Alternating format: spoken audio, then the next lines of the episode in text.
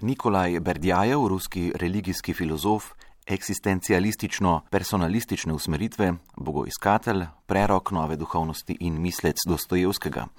Porodo je bil iz plemiške družine, po začetni aktivni udeležbi o prevratnih letih ruske revolucije se je odvrnil od nje in bil leta 1922 prisiljen zapustiti Rusijo. V svojih delih razmišlja o odnosu posameznika in Boga ter tematizira zgodovino v luči krščanstva in razvoja duhovnih načel.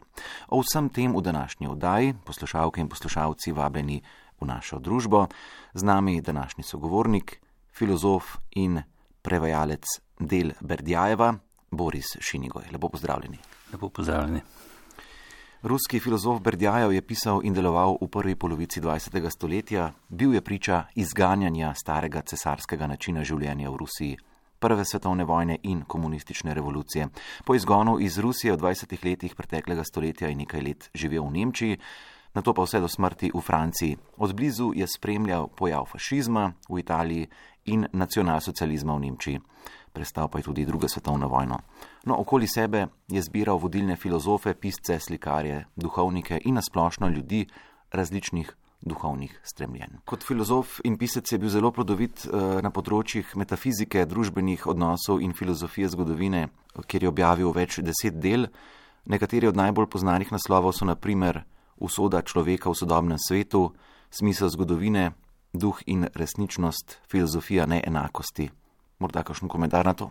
Morda bi dodala še nekaj še pomembnejših naslovov iz tega opusa Nikolaja Brdjajeva. Eh, recimo najbolj zaslovejo svojim delom Novi srednji vek, v katerem nekako napoveduje novo dobo kot neko dobo, ki spominja na naš srednji vek, se pravi v tem smislu, da se odpirajo Eh, globlja religiozna vprašanja, ki so nekako v tem našem novem veku, ki ga on že razume kot tega, ki mineva, ki odhaja, ki gre v zaton. Eh, v tem našem času so pravzaprav ta vprašanja nekako odrinjena eh, na rob ali pa se jih sploh več ljudi ne zavedamo, ampak zaradi te krize, ki nas zdaj pač nekako drži v šahu in ki se je začela pravzaprav že na prelomu stoletja, 19-20 stoletje, z obema svetovnima vojnama še poglabljala. In kot vidimo še danes s tem rekel, eh, razmahom kapitalizma, ki dela vedno večje socialne razlike v družbi med ljudmi, pa tudi sicer med narodi v svetovnem globalnem smislu, eh, zopet pač ta vprašanja morajo privreti na dan. Človek se zopet sprašuje po smislu v tej prvotni, prvobitni eh, problemski razsežnosti, ne pa pravzaprav zgolj v neki svetni razsežnosti predmetnega bivanja. Poleg tega, recimo, je Brdejajo napisal tudi uh, več del uh, v smislu nekakšne apologije krščanstva, če tako rečem, uh, ki ga sicer razume zelo na svoj duhovno radikalen način. In to skupino sodi, recimo, poleg filozofije svobodnega duha, tudi drobno delce z naslovom o dostojanstvu krščanstva in nedostojanstvu kristijanov. To gre v bistvu za delo, ki bi lahko rekli, da je nad vse aktualno prav v našem kulturnem in političnem prostoru. Ja, to drži. V tem smislu smo tudi pred kakšnimi pol drugim desetletjem, recimo to skupaj s prijatelji, prevedel sem pač to delo in skupaj s prijatelji smo pol izdali zbornik Eklezija.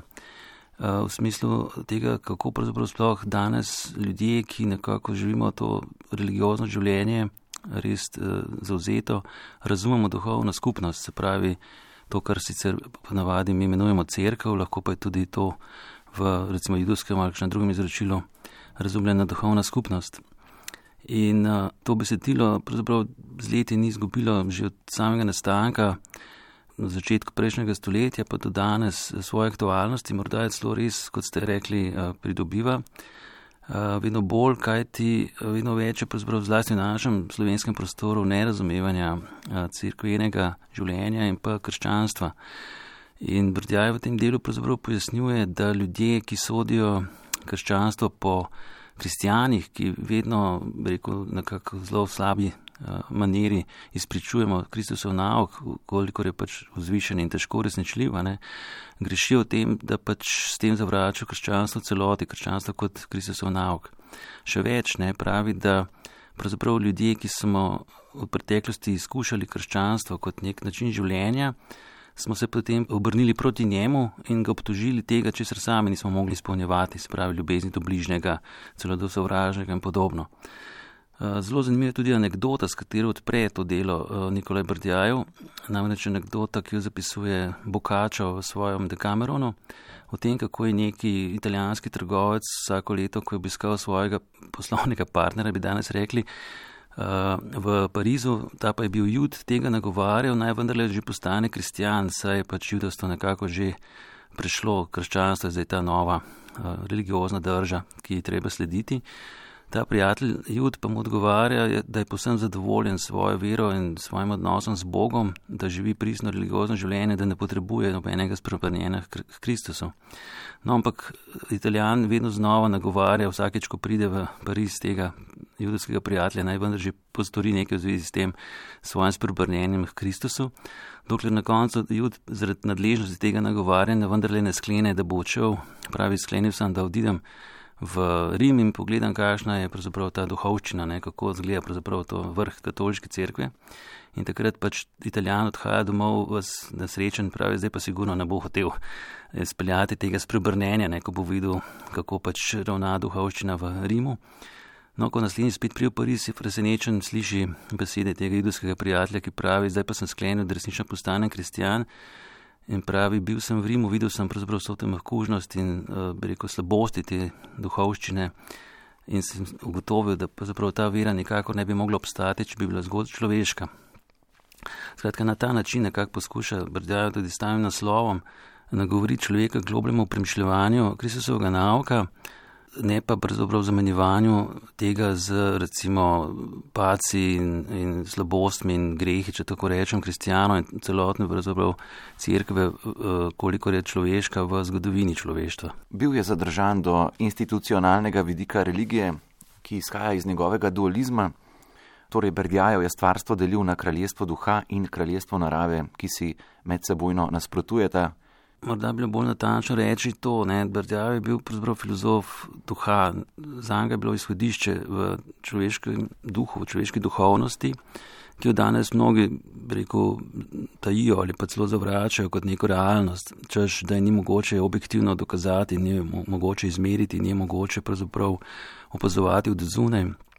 Vendar Brdjav trdi, da je pravzaprav ravno ta praresničnost duha, ki je v meni, nekaj, česar mi nihče ne more vzeti, o čemer me nihče ne more pripričati, da ne obstaja. Eh, ta duh pa vendar s človeško ustvarjalnostjo, delovanjem v svetu, vedno znova nekako postaja upredmeten, vedno znova nekako ugaša ogen tega duha v predmetih, v katerih se ta duh udejanja. Se pravi, recimo, če damo primer iz umetnosti, ne, Eh, nastajanje umetniškega dela je to delovanje duha, ne, ko umetniško delo nastane, nekako ta duh otrpne, okameni v tem umetniškem delu, sicer ga lahko še vedno zaslutimo v njegovem dinamičnem delovanju, ko je delo nastajalo, vendar samo delo postaja pravzaprav nekako popredmetenje tega ognja duha. In tako je s celotno družbo, s celotno civilizacijo in na nazadnje tudi v cerkvi se dogaja lahko to, ne, da pač v določenih uh, momentih naletimo zgolj na, reko, to popredmetenje duha, ne, vendar uh, se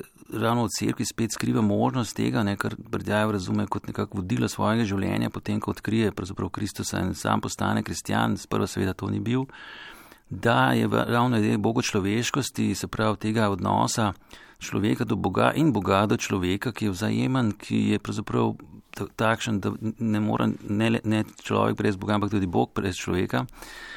In da pravzaprav edini način odgovora na božji klic eh, k bivanju, k resnici je pravzaprav človekova ustvarjalnost.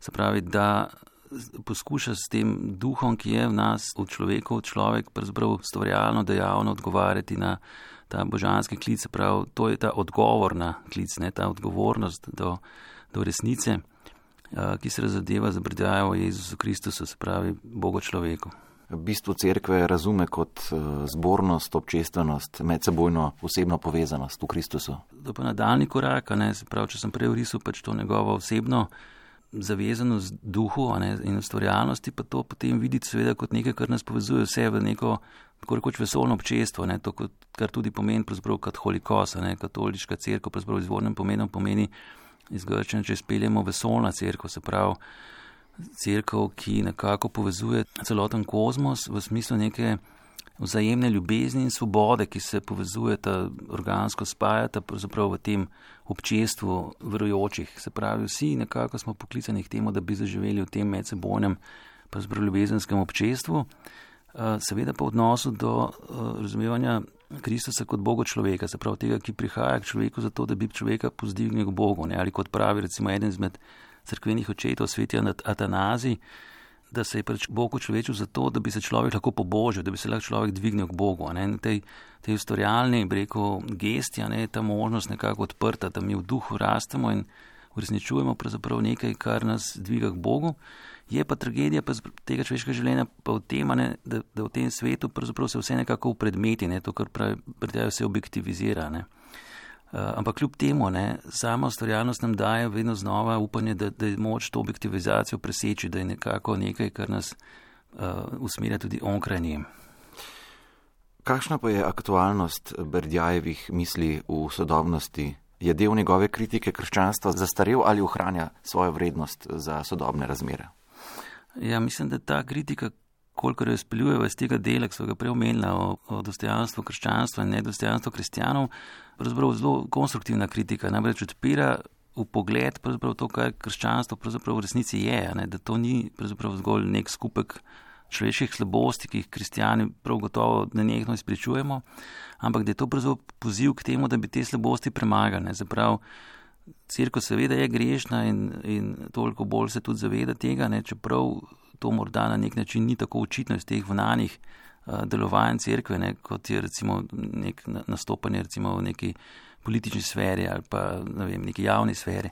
Vendar kaj se dogaja na znotraj vsakemu posamezniku, ne, o tem pravzaprav nikoli ne govorimo, niti ne vemo, na to pozarja brdajo. Tukaj se dogaja pravzaprav velike Eh, osebne borbe, eh, dramatične, religiozne borbe znotraj slehernega verjočega in tudi konc koncev neverjočega človeka, ki se še ne zaveda morda tega klica k Bogu, ne? kajti naša življenja so pravzaprav v osnovi duhovna življenja. Ne?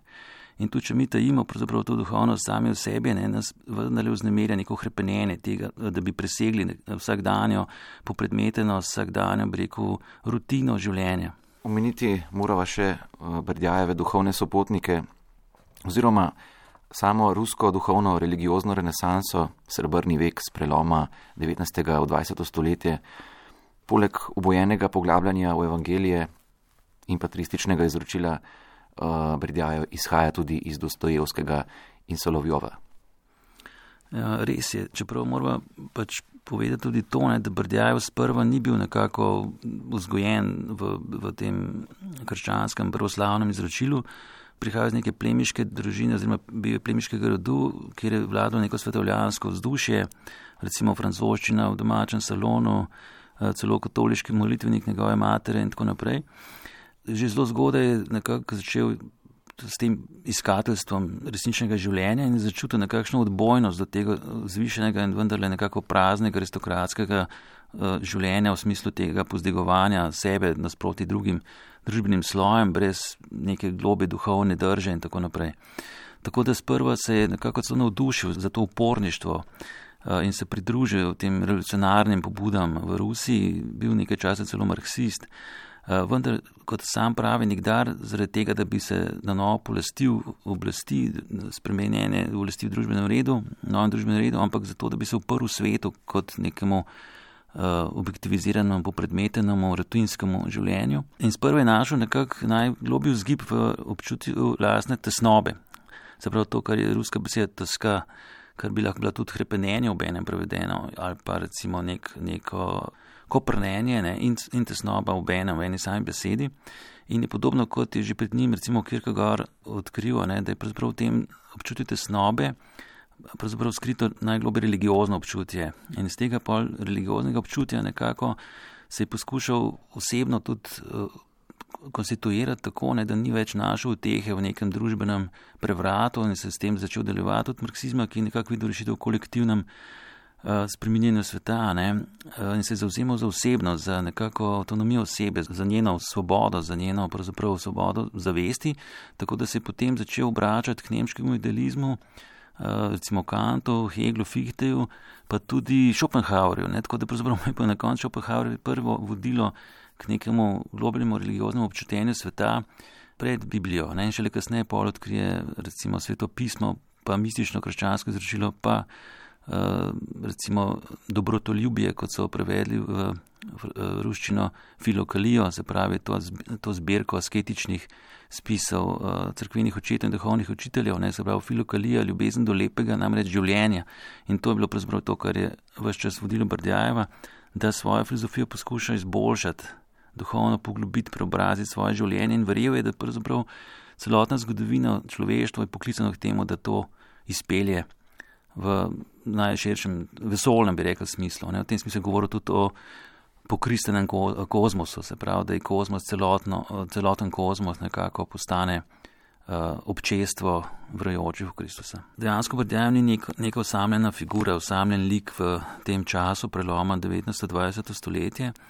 Pravzaprav utreta pot gibanju, ki ga danes imenujejo Rusi kar srebrni vek, glede na to, da je zlati vek prihranjen izraz za Puškina in njegovo dobo. Vendar ta srebrni vek je izredno zanimiv. To je več deset izjemnih osebnosti, ki so se navdihovali predvsem pri Dostojevskem, Solovjovu, eh, eh, tudi Tolstoju, pa tudi Homjakovu, bi rekel, za Brdjajeva. Homjakov je namreč prvi nekako poudaril to sobornost, zbornost, eh, vesolno, občestveno povezanost ljudi v cerkvi, se pravi, cerkev na ta način razlaga. No, in ti, ti so potniki, pravzaprav Brdjajeva, ki so podobne navdihe odkrivali v istem času. Ne, so bili naprimer Sergij Bulgakov, ki Brdjajev celo najbolj nagovoril, ker je bil sam izhajajoč iz duhovniške družine, k temu, da se je začel srečevati s pravoslavno cerkvijo v Rusiji, odkrival na novo pravzaprav lepoto tega zakramentalnega bogoslužja ne, in obenem tudi kakšno kritično misel ne poraja ob tem. Eh, da je morda preval podarjena ustvarjalnost, svoboda in tako naprej v samem tem tradicionalnem življenju proslavne cerkve. Potem recimo um, Pavel Florenski, ki je bil Bolgakov, prijatelj tega Bolgakova, izjemen mislec, uh, duhovnik tudi kasneje kot tudi Bolgakov. Potem recimo Vjačeslav Ivanov, helenistično izobražen pesnik. Uh, potem naprimer eh, Simon Frank, izjemno prinsljiv filozof, Lev Šestov, eden izmed najbolj neokrotljivih duhov, pravzaprav ruske filozofije tega časa. Potem so tudi pesniki tukaj, ne, kot recimo Blazinajda Gipios, pa naprimer Aleksandr Blok, uh, Bieli, potem naprimer um, mož Aleksandr Gipios Mereškovski in pa recimo uh, Vasilij Rozanov, ki sta poskušali povezati recimo krščanstvo z neko poltenostjo sveta pa še mnogi drugi. Skratka, vsi ti nekako so tvorili nekakšno religiozno filozofsko renesanso, lahko tudi umetniško dodamo, in so se družili, tako da so recimo lahko do jutra debatirali, ne, čeprav se niso dogovorili za to, o nekem vprašanju, kot recimo je, ali Bog obstaja. Skratka, nosil je nek tak prvobiten duhovni uh, zanos ne, v razmišljanju teh prvinskih iskanj, to iskateljstvo, ki je bilo tako radikalno, da potem, ko so bili izgnani na zahod, ker se niso nekako vklopili v to revolucionarno vrenje po uh, vladi, rekel bolševikov, po prevladi bolševikov v Rusiji. Eh, je bil pojm Brtjav recimo razočaran na Zahodu, ker je rekel, tam pa sploh ni teh prvinskih vprašanj nikoli, ampak se vedno sklicujejo na recimo vprašanje ljubezni pri Petrarki, vprašanje smisla pri, ne vem, Ničeju in tako naprej. Skratka, ta neposredna uh, vprašanja in odpiranje teh vprašanj, to je bilo nekaj, kar je držalo to filozofsko religiozno renesanso srebrnega veka po konci. Ja, sva pred koncem morda sklepna misel oziroma za sklep, če se navežemo na pravoslavno obhajanje Božiča, če bi morda prebrali kakšen vers, kaj ste izbrali? Torej, glede na to, da je Brdjajo sam in celotna ta ruska filozofska religiozna resansa odkrivala nek velik navdih tudi v patrističnem izročilu, uh, sem izbral spev o Kristusovem rojstvu, ki ga je napisal sveti Roman, imenovani Melod v 16. stoletju po Kristusu, se pravi bizantinski pesnik, pevec, kot bi tudi lahko prevedli Melod, In sicer ima naslov Kondak Kristusovega rojstva in govori pravzaprav prav o Božiču. Ne? Torej, takole se začne v prevodu Gora za Kocijančiča. Devica danes rojeva nadbitnostnega in zemlja daje zavetje nedostopnemu. Angli častijo skupaj s pastiri in modri potujejo zvezdo, ker se za nas je rodil novorojenček pred veki Bog. Betlehem je eden razprl, le sem kaj, poglejmo, našli smo skrito veselje, le sem, vzemimo dobrine raja znotraj votline. Tam se razodeva nezalivana korenina, razcvetena v odpuščanje. Tam je odkrit neizkopan vodnjak, iz katerega je davno želel piti David. Tam je devica rodila dete in otoležila žejo, žejo Adamovo, žejo Davidovo. Zato pohitimo tja, kjer se rodil je novorojenček, predvedki Bog. Materi noči postal sin, svobodno. Rešnik dojencev je kot dete ležal v jaslih in ko je zaslutila, kdo je, ga je rodnica vprašala: Povej otrok, kako si vame vsejan, kako si v meni zrasel. Gledam te moje srce in sem vsaj sebe, saj dojim ne, da bi bila nevesta. Gledam te v plenicah in vem za pečat devištva. Ohranil si ga, ko si se blagovolil roditi, novorojenček pred veki Bog. Spoštovani Boris Šinigoj, najlepša hvala za obisk in pogovor. Hvala vam. Poslušalke, poslušalci, hvala za vašo pozornost.